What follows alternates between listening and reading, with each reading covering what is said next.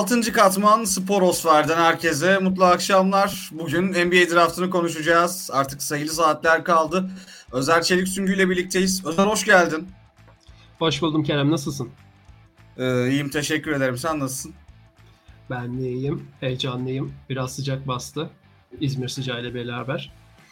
Normal yani şu an İstanbul'da da çok çok bir farkı olduğunu e, söyleyemem. Amerika muhtemelen daha sıcaktır ama hani bu gece daha alev alev geçecek gibi duruyor onlar açısından. Nasıl bir gece bekliyorsun? Evet. Valla Brooklyn'de isimler açıklanırken Barclays Center'da bugün gerçekten çok fazla karmaşa çıkabilir. Yani son yılların en heyecanlı yetenek olarak en büyük draftlarından birisi değil ama gerçekten 4. sıradan 15. sıraya kadar çok fazla belirsizlik barındıran birçok ihtimalin olduğu bir drafta giriyoruz. O yüzden çok fazla takas senaryosu da ta- masada. 4-15 arasının bir belirsizlik içerisinde olduğunu söyledin. Yani ilk üçü kafada çizdin o zaman sen. Evet yani ilk üç draftın aslında girişinden beri hemen hemen belli. Jabari Smith Jr., Chet Holmgren ve Paolo Ban- e, Banchero üçlüsü arasında gidip geliyor bu durum. Yani üçü de yani draftın geri kalanından kendini ayıran oyuncular. Yetenekleriyle geçirdikleri sezona bakaraktan. Ve yani bu üç oyuncu da hangi takımı alırsa bu üç oyuncu mutlu olacaklar. Draft'in geri kalanından bir gömlek üstü olduklarını söylemek çok çok yanlış olmaz. Peki e, Bankero özelinde konuşmak istiyorum. Orlando'nun direkt ilk turda ilk seçimi hakkına sahip olduğunu biliyoruz. E, Orlando Magic'in e, alacağını düşünüyor musun Bankero'yu? Kaçtan seçilir sence bu? Ya Bankero birçok insanın boardunda yani oyuncuları hangi takımın alacağı değil yetenek avcılarına göre hangisi bu draftın en iyisi sorusu sorulduğunda bir numaraya yazdıkları isimdi. Ama Orlando Magic'in seçimine gelecek olursak Orlando'nun Bankero'dan çok Jabari Smith Jr.'a yakın olduğu konuşuluyor. Bana sorarsan Bankero bu draftın şu anda en hazır oyuncusu olabilir. Yani bir takıma koyduğunuz anda oynayabilecek, hücumda üretim yapabilecek. Jabari Smith ve Chet Holmgren'den en büyük farkı muhtemelen Bankero için şunu söyleyebilirsiniz. Bankero 24 saniyenin sonunda hücumunuz tıkandığında topu ona verebileceğiniz ve üretimi yapabilecek bir oyuncu. Yani biz burada yapamadık, sen bize buradan bir şeyler çıkar diyebileceğiniz türden bir oyuncu. Ama Jabari ve Chet'ten büyük bir farkı, belki en göze batan farkı Bankero savunmada onlardan birkaç gömlek daha aşağıda gözüküyor. Özellikle efor olarak efor olarak daha aşağı olduğunu belirttim Bankero'nun. Peki oradan az önce belirttiğin isimlerden bir diğeri. Chet Holmgren'e geçmek istiyorum. Ee, sen sezon içerisinde de oyuncuların e, performanslarını inceledin. E, Chet özelinde hangi özelliklerini ön plana çıkarıyorsun ve kaçıncı sıradan tercih edilmesini bekliyorsun? Chat benim kendi yaptığım sıralamada da NBA'in ve birçok NBA Scout'un yaptığı sıralamada ikinci sıradan Oklahoma, Oklahoma City Thunder'a gidecek gibi duruyor şu anda Kerem.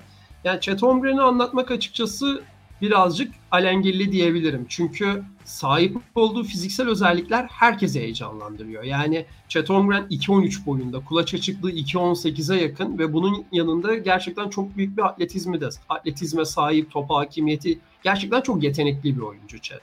Ama Chet'i belki niye o zaman 2'ye yazıyorsun, 1'e yazmıyorsun derseniz de yani evet draftta seçtiğimiz zaman potansiyele bakarak seçim yapıyoruz. Ama potansiyel bizleri bazen çok heyecanlandırsa da oyuncuların bu potansiyellerine erişeceklerinin %100 garantisi yok. Ve NBA'ye gelen 2-13 boyunda 88 kilo yani nispeten sıska bir çocuğun da NBA'de tam olarak erişmesini beklediğimiz yere erişmeme ihtimali var. Yani son zamanlarda NBA'de bu tarz çok fazla oyuncu gördük. Aslında tırnak içinde işte unicorn dediğimiz türden. Porzingis oldu, yeri geldiği zamanlar e, Denver Nuggets'ın seçtiği zaman Manus Bolunoğlu bol bol bu konuda çok insanları heyecanlandırdı. Oklahoma'nın bir başka seçimi Alexander Pokuševski vardı. Pokuševski de buna çok yakındı. Yani Chet'i bunlardan bir oyuncuya benzetmeye çalışmak gerçekten zor oluyor. Chet Holmgren yani fiziksel olarak belli oyuncuları andırsa da oyun karakteristiği olarak çok farklı bir oyuncu. Yani ben şöyle bir benzetme yapmıştım kendi aldığım notlarda. Hücum yeteneği bakımından Anthony Davis, savunma özellikleri bakımından bir Rudy Gobert. Yani şimdi ben size böyle bir oyuncu söylediğim zaman tahminimce birçok insanı heyecanlandırır bu. Yani kim takımında Anthony Davis gibi hücum edebilecek, Rudy Gobert gibi savunabilecek birisini istemez ki. Yani Chet'in gerçekten tavanı bu konuda çok yüksek. Ama dediğim gibi yani olay her zaman o tavanın yüksekliği değil, o tavana ulaşılabilme realitesidir de. O yüzden insanlar Chet'i bir numarada değil iki numaraya biraz daha yakın seçiyor. Orlando Magic'in Chet Holmgren'i seçmemesinin önemli sebeplerinden bir tanesi bu olarak gözüküyor. Aynı zamanda az önce gelen fotoğraflardan bir tanesinde Jalen Suggs ve Chet Holmgren yan yanaydı. Suggs Orlando Magic'in geçen seneki draft seçimiydi. Beşinci sıradan almışlardı. Magic'in point guard'ı. İkisi lise arkadaşlarılar ve aynı zamanda Suggs'ın babası Chet Holmgren'in de koçuydu. Chet ve Jalen Suggs'ı ikisi de aynı zamanda Gonzaga mezunları. Onu da belki eklemekte fayda var. Peki e, Chet'in fotoğraflarda da görmüştür mutlaka izleyenlerimiz. Oldukça sıska olduğunu görüyoruz ve sen de belirttin. Bu bağlamda e, birinci tercih olmayabilir. E, ikinci tercihte Oklahoma'ya gitmesinin daha yüksek olduğunu belirttin. Peki bu manada birinci tercihte biz Jabari'yi mi göreceğiz? Evet yani Jabari'nin birinci tercih olmasını şu şekilde okumak lazım öncelikle. Yani Jabari Smith Jr. harika bir basketbol oyuncusu. Yani bundan yana hiçbir şüphesi kimsenin olmaması gerekiyor. Yani sahada yapabildikleri her şey. Yani bugün video oyunu açsanız NBA'de kendinize bir oyuncu yaratacak olsanız Jabari Smith Jr. gibi bir oyuncu yaratmak isteyebilirsiniz. Yani boyu uzun, sahada hızlı hareket ediyor, çok iyi bir fiziği var. Bu fiziğini kullanmaktan da çekinmiyor. Şut atabiliyor. %43 de şut attı bu sene ve 2.8 boyundaki bir oyuncudan bahsediyoruz. Yani Jabari için Orlando'nun Jabari'ye gitmesinde Chet Holmgren, Chet Holmgren yerine en öne çıkan iki faktör var doğrusu. Birincisi Jabari Smith'in biraz daha NBA'ye hazır olması. İkincisi Jabari power forward pozisyonda yani 4 numarada oynat oynatıp 5 numarada Magic'in e, geçen sezon takas e, geçen sezon değil bir önceki sezon Wendell Wendell Carter'ı almıştı takasla. Wendell Carter'la eşlemek istiyor. Orlando Magic aslında birazcık Jabari Smith Jr. seçimini potansiyelin yanında takıma uyum adına da kullanmak istiyor. Bu yüzden de Jabari Smith'i biraz daha bir numarada görüyoruz. Onu da açıkçası biraz daha yeteneklerini açıklamak gerekirse yani ona bir oyuncu benzetmesi yapmak Chet Holmgren oranla biraz daha kolay. Ben bu oyuncu benzetmelerini çok doğru bulmasam da izleyicilerimizin aklında biraz daha güzel yer edebilmesi için söylüyorum. Çünkü hani her oyuncu evet, kendisine özel bir kariyer yaratıyor sonuç olarak. Evet. Aynen öyle. Yani Jabari Smith Jr.'ı bence kendisi gibi bir başka Auburn mezunu Charles Barkley'e benzetebiliriz. Biraz eski zamanlardan olacak. Daha yakına gelmek gerekirse Indiana Pacers'ın çok iyi bir dönemi vardı. Roy Hibbert, Danny Granger ve Paul George'lu. O dönem sakatlık öncesi Danny Granger'ı çok anımsatıyor bana. Çünkü Danny Granger da aynı boy olarak Jabari Smith Jr.'a çok, çok yakında. E, jab step üzerinden hücum etmekte çok başarılıydı. Üçlüyü çok iyi kullanabiliyordu. Yani belki izleyicilerimiz hatırlayacaktır. Indiana Pacers'a Miami Heat'in çok iyi konferans finalleri serileri vardı. Paul George'un efsane Chris Anderson üzerinden bahsettiği maçla beraber. Ben Danny Granger'ı da çok benzetiyorum. Hani daha daha güncel olarak da bir Michael Porter Jr. yakıştırması yapılabilir. Jabari Smith'in için. Ee, peki ilk üçe noktayı koyacağım ama son olarak şunu da sormak istiyorum. Ee, anladığım kadarıyla Amerika'da özellikle gündemi iyi tutmuşsun. Herhangi bir sürpriz bekleniyor mu? Ve gerek senin kafanda gerekse Amerika yerel basını. Benim benim aslında şöyle bir beklentim vardı. Orlando yani çoğu insan seçim olarak aslında Jabari Smith Jr. bir numarada düşünmüyordu. Yani Houston veya Oklahoma'nın istediği oyuncu açıkçası 2 ve 3. numaraların um, Jabari Smith Jr. değil daha çok Chet Holmgren veya Paolo Banchero olması konuşuluyordu. Eğer Orlando Magic biraz daha kartlarını eline yakın tutsaydı 2017'de belki Boston Celtics'in yaptığı gibi birinci sıra hakkını verip gerileyip hala istedikleri oyuncuyu alabilirlerdi. Ama şu anda bütün NBA basını birinci sıradan Jabari Smith Jr.'ın seçilmesine kesin gözüyle bakıyor. 2017'de Boston Jason Tatum'u istiyordu.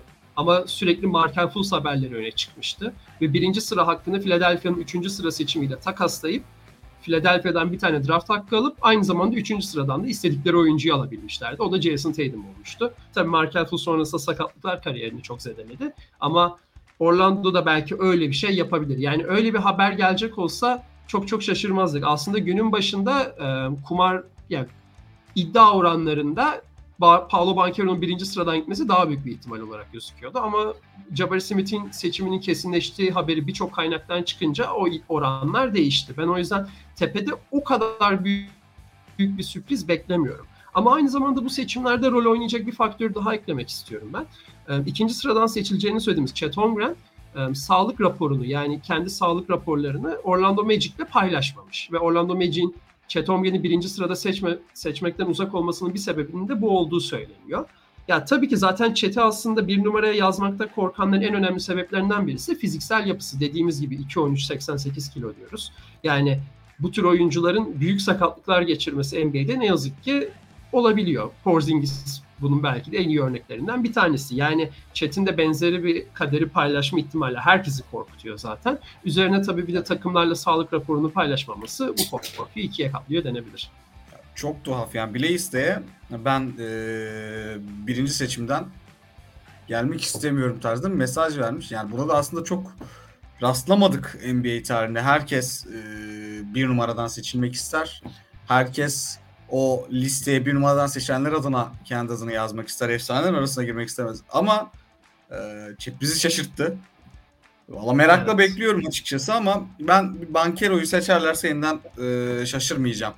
Onu da belirtmek istiyorum Orlando adına diyerek artık ilk üçe bir nokta koyup o belirttiğin 4-15 arasında oluşacak belirsizlikler vardı. Bu belirsizliklerde ne tarz durumların ön plana çıkmasını bekliyorsun ve e, özellikle takas konusu da tabii ki NBA draftlarında her zaman konuşulan bir başka konu olur. Bugün beklediğin ön plana çıkabilecek herhangi bir takas ihtimali var mı? özellikle dördüncü sıra dediğimizde Sacramento dördüncü sıradan seçiyor ve dördüncü sıradan seçmesi muhtemel olan oyuncu Jaden Ivey gibi gözüküyor. Ve burada büyük bir takas beklentisi var. Yani Jaden Ivey'nin Jaden Ivey'e hayran olan birçok fazla takım var ve Sacramento'nun elindeki guard bolluğunu düşünürsek ve Sacramento'nun yani her ne kadar gerçekçi olmasa da kazanma umutlarını düşünürsek dördüncü sıradan genç bir oyuncu almak yerine belki kendilerine daha hazır bir oyuncu teklif eden bir takımla takasa gidebilirler. Ama ben burada takas ihtimaliyle beraber aslında birazcık e, ekranda gördüğünüz adamın Jaden Ivey'nin niye bu kadar istendiğinden bahsetmek istiyorum. Yani Jaden Ivey belki bu üçlünün biraz daha arkasına yazılıyor olabilir şu anda ama bundan 5 sene sonra bu durum tamamıyla değişebilir. Çünkü Jaden Ivey gerçekten ama gerçekten yani beni çok büyüleyen bir oyuncu. Onu söylemem lazım. Yani beni bu draftta bahsettiğimiz zaman Shaden Sharp'la beraber en çok etkileyen, bende en fazla böyle heyecan yaratan, yani NBA League Pass'i aldırtacak türden bir oyuncu diyebilirim Jaden Ivey için. Yani bende o heyecanı yaratıyor gerçekten. İnanılmaz Peki, bir atlet. benzettiğin, oyun stilini benzettiğin bir isim var mı? Evet ya Jaden Ivey için bence e, Donovan Mitchell benzetme çok isabetli bir benzetme olabilir. Çünkü kalıp Fizik olarak da olarak da fotoğraflarda da ben aynı örnek gelmişti kafama. Bilerek sordum evet. aslında sana bunu. Acaba o isim gelecek mi diye şaşırmadım. Evet. Ya kesinlikle Donovan Mitchell benzetmesi yakışabilir. Çünkü ikisi de iki numara oynamaya daha yatkınlar. İki numara için boyları nispeten kısa sayılır. Donovan Mitchell da 1.93 yakın, Jaden Ivey 1.93 boyunda. İkisinin de çok büyük bir patlayıcılığı var ve ikisi de ikisi de yırtıcı oyuncular. Jaden Ivey ile ilgili bence en söylenebilecek şeylerden bir tanesi, önemli olan şeylerden bir tanesi Jaden Ivey gerçekten yırtıcı ve korkusuz bir oyuncu ve kazanma hırsı yani rekabetçilik düzeyi çok yüksek bir oyuncu. Ve gel e, ailesinden aile, ailevi geçmişinin de bunda bir faktör olabileceğini düşünüyorum. Jaden Ivey gerçekten spor spor dolu bir aileden geliyor. Babası ve dedesi eski NFL oyuncuları, annesi eskiden Memphis Grizzlies'in asistan koçuydu. Şimdi Notre Dame'ın head coachluğunu yapıyor. Yani Notre Dame e, kadın takımının head coachluğunu yapıyor annesi. Yani Jaden Ivey gerçekten basket yani sporla büyümüş bir karakter ve o atletizmi, genlerini işlemiş atletizmi çok dışarıya güzel vurduğunu söylemem lazım kesinlikle. Hani onunla eksi olarak şunu söyleyebilirim. Ee, Ivy çok iyi bir atlet. Yani draft listelerinde bir guard olarak geçiyor ama kolej kariyerinde e, Purdue'da oynadığı iki sezonda ana top yönlendirici değildi. Yani point guard'dan çok shooting guard olarak oynadı. Daha çok off ball guard'tı ve yani NBA'de tabii ki 1.93 boyunda bir iki numara olmak her zaman avantajlı bir durum olmuyor. Yani bunu mesela yüksek seviyede Donovan Mitchell'da görüyoruz. Hani Mitchell örneğinden gittik. Mitchell'ın yanına bir guard getirdiğiniz zaman o guardın kalıplı olmasını ve savunma yapmasını istiyorsunuz. Utah'ın savunmasının dökülmesinin en önemli sebeplerinden bir tanesi belki Mitchell'ın yanında bir başka küçük guard Mike Conley'nin olmasıydı. E, aynısı bir başka kısa boylu iki numara için CJ olmadığına da geçerli olabilir. Yani Jaden Ivey'in orada minik bir e, monte sorunu olabilir. Onu söyleyebilirim en azından.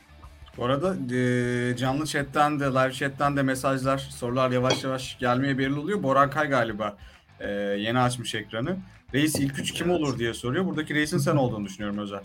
Evet, kendisine selam söylüyorum öncelikle. Sevgiler. Ben Jabari Smith Jr.'ın 1, Chet Holmgren'in 2, Paolo Banchero'nun 3 gideceğini düşünüyorum. O zaman e, soruları olan varsa bu sorular eşliğinde de konuşmaya devam edeceğiz. Onu da belirteyim. Lütfen e, canlı chat üzerinden sizler de e, yayına destek olabilirsiniz. Aynı şekilde hadi reklamımızı da yapayım. Sporosfer TV Twitter adresinde de aynı zamanda canlı yayındayız. Tıpkı YouTube'da olduğu gibi Twitter hesabımızı da takip etmeyi unutmayınız diyeyim. En son takas ihtimalleri üstünde konuşuyorduk. Bugün evet. e, Sacramento'nun takasta bir kozu olduğunu belirttin. Peki buraya ilk atlayacak takım kim olur sence? Çok güzel soru. Bence buraya atlamak isteyecek birçok takım var.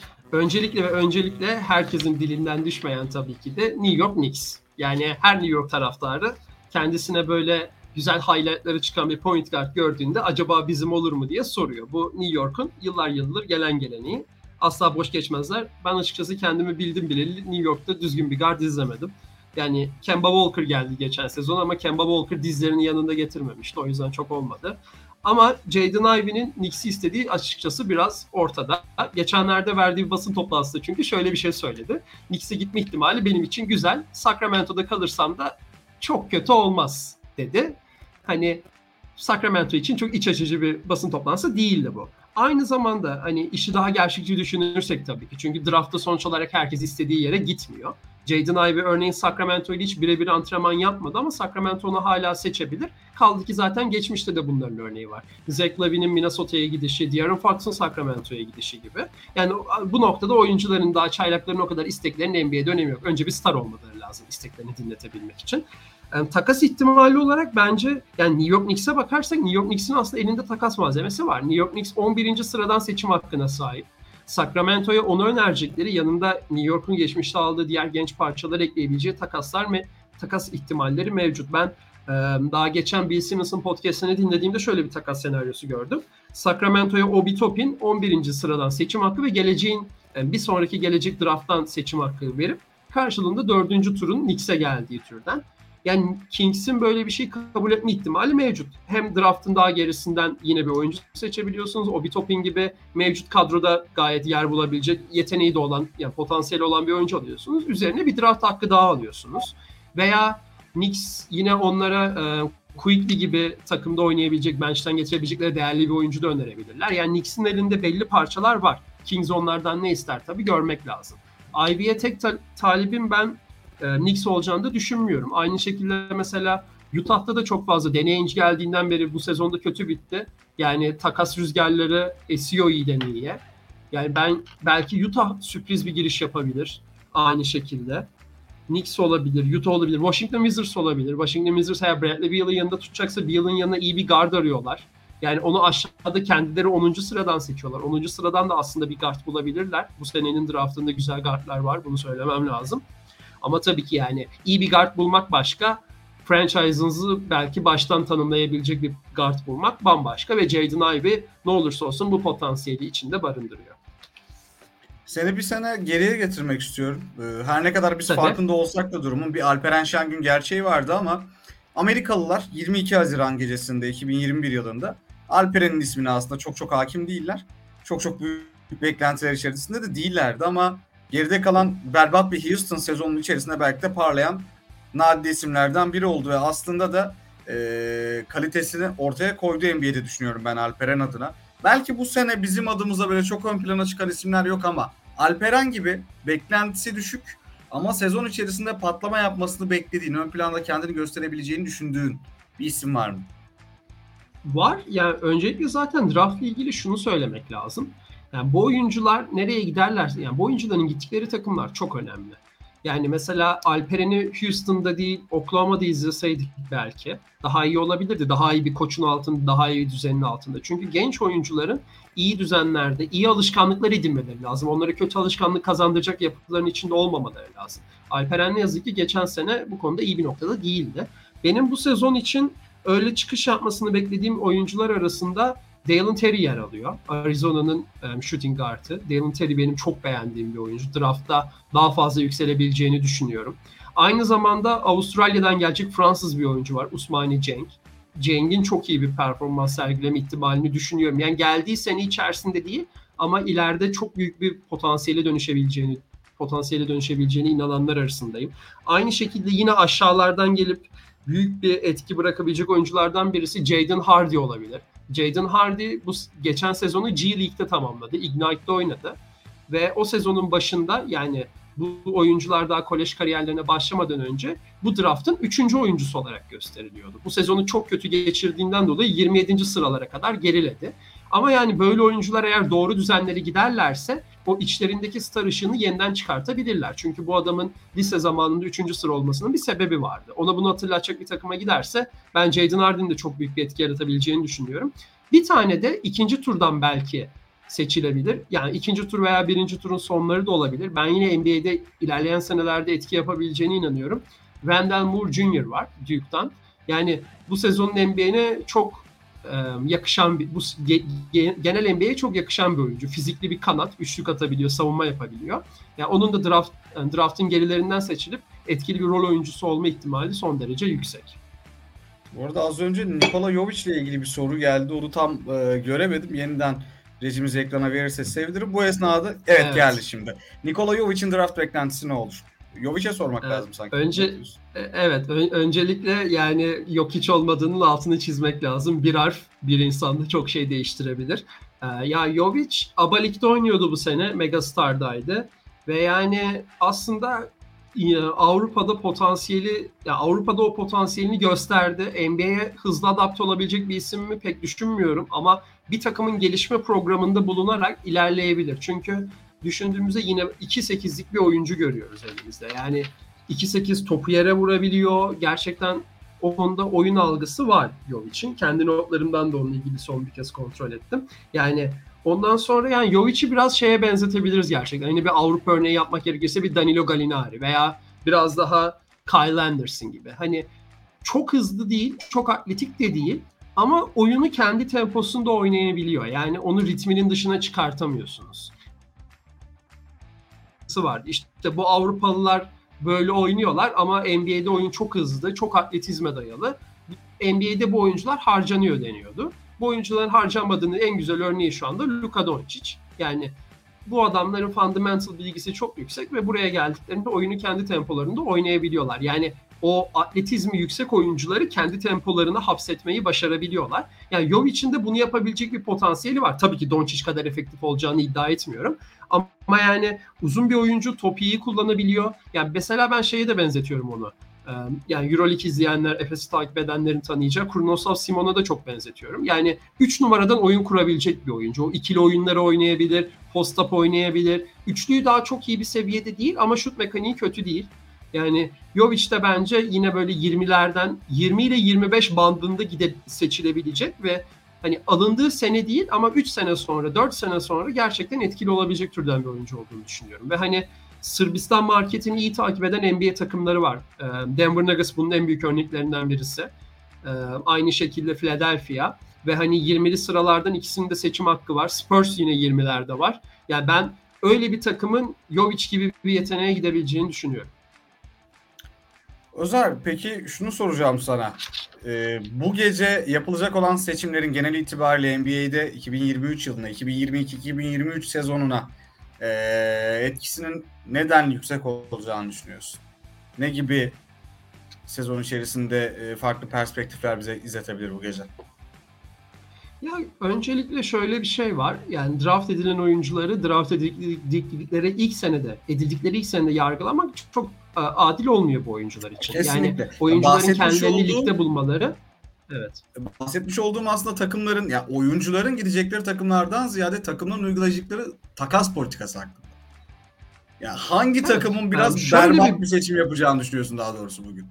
Biraz daha açık sorayım. Berbat bir seçim. Yani evet ya öyle dediğimizde 4 numarada Sacramento bize gülümsüyor. Yani eğer NBA'de bir takımın kötü bir iş yapacağını düşünüyorsanız gönül rahatlığıyla Sacramento Kings'i seçebilirsiniz. Yani 15-20 yıldır bizleri bu konuda asla yarı yolda bırakmadılar. Zaten dördüncü sıradan seçiyorlar. Yani böyle bir hata yapmaya çok müsaitler. Ya ben belirleyicilik açısından şunu düşünüyorum. Yani 7. sırada Portland var ve Portland daha yeni bir takas yaptı. Jeremy Grant'i takıma kattı Lillard'ın yanına. Yani Portland belki bu draftta yaptığı oyun seçimiyle değil ama yapacağı bir takasla kendi takımının çehresini çok değiştirebilir.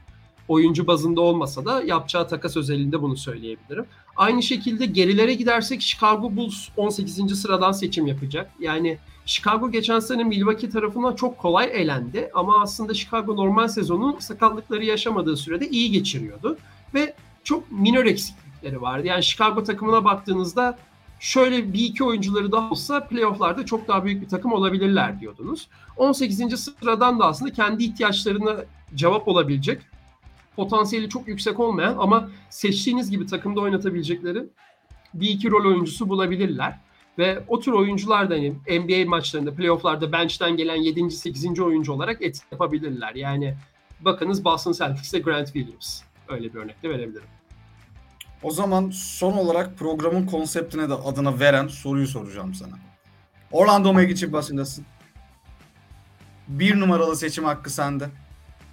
Draft'ım sensin dediğin isim kim olur? Jabari Smith Jr. Yani Neden? ben de açıkçası Orlando'nun şu an düşün, düşünce biçimini mantıklı buluyorum. Yani evet tavanı en yüksek olan oyuncu, en fazla heyecan yaratan oyuncu Chet Holmgren. Ama buna erişebileceğinin bir garantisi yok.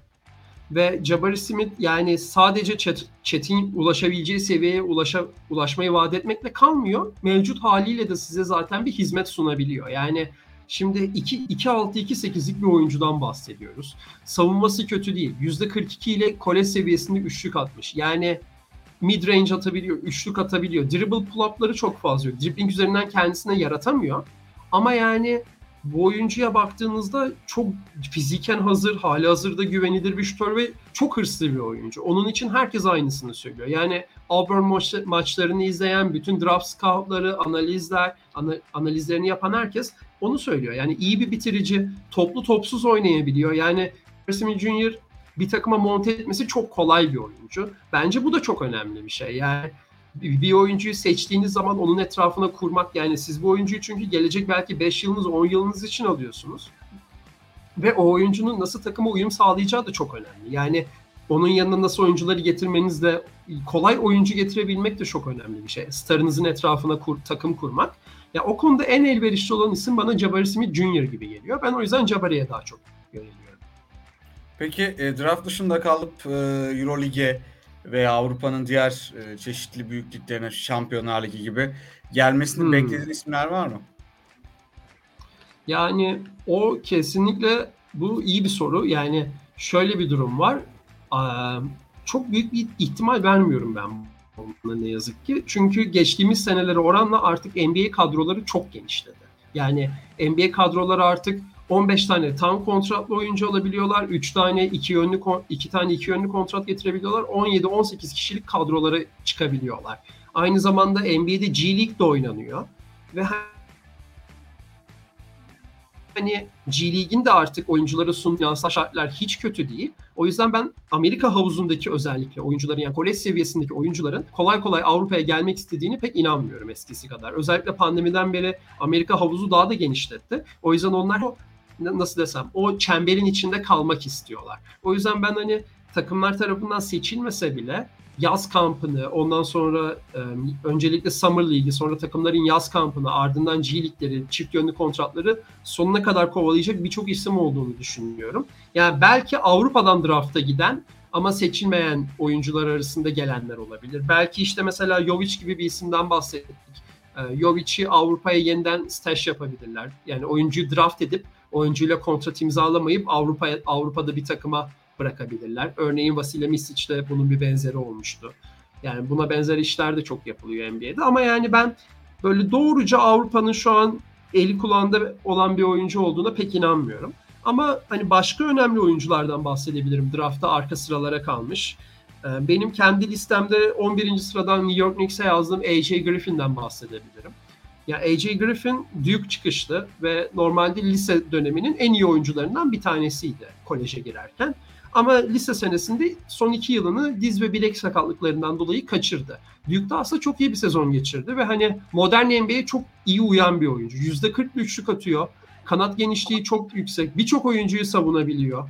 Yani Duke'da biraz daha durgun da o sakatlık dönüşü ve Paolo Banchero'nun arkasında kalmıştı. Ama yani AJ Griffin eğer sağlığını koruyabilirse o sakatlıklar gerçekten hani lisede onu basketbol oynamaktan alıkoyan sakatlıklar büyük sakatlıklar değilse ben AJ Griffin'in hani e, çok iyi bir NBA kariyeri olabileceğini düşünüyorum. Yani hani beklenenden daha iyi olabilir. O lisedeki eski yıldızlığına ulaşabilir diye düşünüyorum. Ondan sonra yine gerilere kalması beklenen ama bence takımlarda çok büyük etki yaratabilecek bir isim var. Jeremy Sohan. Ee, ya Sohan'dan da bahsetmek isterim. Ondan da şöyle bahsetmek istiyorum. Yani dediğim gibi yine süperstar potansiyeli barındırmıyor ama harika bir rol oyuncusu. Yani gerçekten hani son yıllarda Draymond Green'le beraber en çok duyduğumuz şey zaten böyle kalıbı yani boyu kısa olan 4 numarada oynayan bütün oyunculara biz bir Draymond Green etiketi yapıştırıyorduk. Hani çünkü Draymond Green çıktı ve açıkçası basketbolu değiştirdi büyük bir miktarda NBA'de. Alışılmışın dışında bir şeydi ve hani herkes kendisine bir Draymond Green aramaya başladı ve herkes işte böyle boyu biraz kısa olan, 4 numarada pas verebilen, birçok mevki savunabilen oyuncuya Draymond Green benzetmesi yapıyordu. Yani Sohen belki de son yıllarda bu benzetmeyi en hak eden isimlerden birisi olabilir. Baylor'da gerçekten çok iyi bir sezon geçirdi. Yani üçlüğü yok. Yani bunu basit, basit daha hani zorlaştırmanın bir yanı yok. Sohen şu an üçlük atamıyor ama birden beşe kadar yani şu an bu draftta bir numaradan beş numaraya kadar efektif savunabilecek başka bir oyuncu yok ve bu NBA'de çok değerli olan bir şey. Yani bugün siz Jeremy Sohan'i Kyrie Irving'in karşısına da koysanız kalabilir. Post-up'ta Embiid'in arkasına koysanız da direnebilir. Yani bunu size sunabilecek çok fazla oyuncu yok. Hani ben kolej oyuncularını genelde savunma yetenekleri üzerinden çok yargılamak istemiyorum. Çünkü savunmayı biraz daha öğrenebiliyorsun. Yani savunma hani tek başına çok yapabileceğin bir şey değil zaten. Yani takımının da sana katabileceği bir şey. Daha organizasyona dayalı olan bir şey. Ama hani tabii ki Sohen kadar özel bir savunmacıysanız da bundan bahsetmek gerekiyor. Hani savunma özelliği olarak tabii yine geri dönersen biraz Chet Holmgren'e de dönebiliriz. Hani Holmgren 2-13 ama harika bir savunma içgüdüsü var. Yani bu sezon Gonzaga'da yanlışım yoksa 3.2 blok ortalamasına yakın bir ortalamayla oynadı. Ve yani şey bir blokçu da değil. Hani pot altında bekliyor, kısa üzerime gel kısa üzerime gelsin ben onu tokatlayayım tarzında blokçu da değil. Mesela pick and savunabiliyor. Hani ben ona biraz Rudy Gobert benzetmesi yaptım ama Gobert'ten farklı olarak Jeremy so e, özür dilerim Chet Holmgren e, pick and roll'leri savunabiliyor. Yani kısalar onun üzerine hücum ettiğinde pick and roll'de Gobert, yani Gobert gibi değil onlara geçit vermeden de savunabiliyor. Çok iyi bir yardım savunmacısı. Hani tabii fiziği çok düşük olduğundan post-up'ları çok iyi savunamayacak NBA'de muhtemelen. Ama gerçekten akıllı ve yırtıcı bir savunmacı. Onu da yine savunma kısmında eklemek lazım diye düşünüyorum. Valla bakalım. Ee, chat kaçtan seçilecek? Sezonda bize neler gösterecek? Hep birlikte göreceğiz. Ee, Özer valla çok kıymetli bilgilerdi bunlar. Biz de biraz aydınlatmış oldun. Teşekkür ediyorum öncelikle bu çabandan, bu çalışmandan ötürü. Ee, eklemek istediğin herhangi bir son detay var mı? Eklemek istediğim son bir detay. Ben şöyle bir detaydan daha bahsetmek istiyorum o zaman madem burada verdin. Yani draft için çok heyecanlıyım. Ben draft'ın böyle arkalarından seçilebilecek ama o yıldız olabilecek bir oyuncu da Shaden Sharp'tan bahsetmek istiyorum. Ee, ben Sharp'ı kendi listemde 7 numaraya yazmıştım Portland Trail Blazers için. Ama daha da geriye düşebilir gibi düş- görünüyor Sharp'ın durumu. Jaden Sharp liseden çıkarken e, bu draft sırasını bir numaralı oyuncusu olarak gösteriliyordu. Kentucky'de seçildiğinde oynamadı. Kentucky'de sezonu boş geçti. Ve ondan dolayı da açıkçası draft stoğu düştü. Bir de NBA takımlara yap, yaptığı birkaç antrenmanı takımları anladığım kadarıyla çok beğenmemişler. Ama ben Shaden Sharp'ın sunduğu şeylerin yani günümüz NBA'inde çok büyük bir geçerliliği olduğunu inanıyorum. Hani onu da açıkçası bir benzetme yapmam gerekirse Shaden Sharp'ı ben Dwayne Wade'e çok benzetiyorum. Yani iki numarayı daha iyi oynayan. Yani o ana top yönlendirici değil. iki numara için belki biraz kısa ama son derece fiziksel son derece atletik ve harika bir bitirici. Yani iki eliyle de çok iyi bitirebiliyor. Uzunlar karşısında bitirmekten çok büyük bir problem yaşamıyor. Potaya çok iyi gidiyor. Ve hani tabii Wade'den biraz daha farklı olarak belki hani onu modern basketbol da vermek lazım. Shaden Sharp dribbling üzerinden şut da atabiliyor. Yani dribbling üzeri üçlükleri, dribbling üzeri midrange şutları hiç kötü değil. Yani ben Sharp biraz geriye düşeceğini öngörüyorum da. Daha çünkü draftın gerilerinde ondan daha güvenilir isimler var bu geçtiğimiz yılı düşünürsek ama ben Sharp'ı alan takımın açıkçası yani Sharp'ın bir Devin Booker, Donovan Mitchell gibi geriye düşüp ama drafttaki birçok ismi geride bırakabileceğine inananlardan. Onu da eklemem lazım. Valla bence orada biri garantiye oynamayıp o riski almak isteyecektir. Yani neticede evet. 9-10 bandında görebiliriz. Hatta şöyle diyeyim sana. Valla bir e, New Orleans Pelicans'la görürsek oyuncuyu ben şaşırmayacağım. Açık konuşayım. Evet. Çok teşekkür ediyorum sana da. Ben teşekkür ederim Kerem. Dinleyen herkese teşekkürler. Sporosfer TV'de NBA Draft öncesi kıymetli bir yayında sizlerle birlikteydik. Ben Kerem Korkmaz, Özer Çelik Süngü ile birlikte bu gece oluşabilecek çeşitli ihtimalleri masaya yatırdık. Masada yerde kalmadı haliyle. Bakalım artık e, yaklaşık 3 saat ortalama bir süre kaldı. Neler olacak, neler bitecek. İlerleyen günlerde de draft sonunda olabilecek ihtimaller konusunda gerek sosyal medya paylaşımları gerekse bu tarz canlı yayınlarıyla Sporosfer TV sizi bilgilendirmeye devam edecek. Dolayısıyla gerek YouTube'da aboneliğinizi gerekse Twitter'da takibinizi bekliyoruz. Kendinize çok iyi bakın. Hoşçakalın. İyi akşamlar.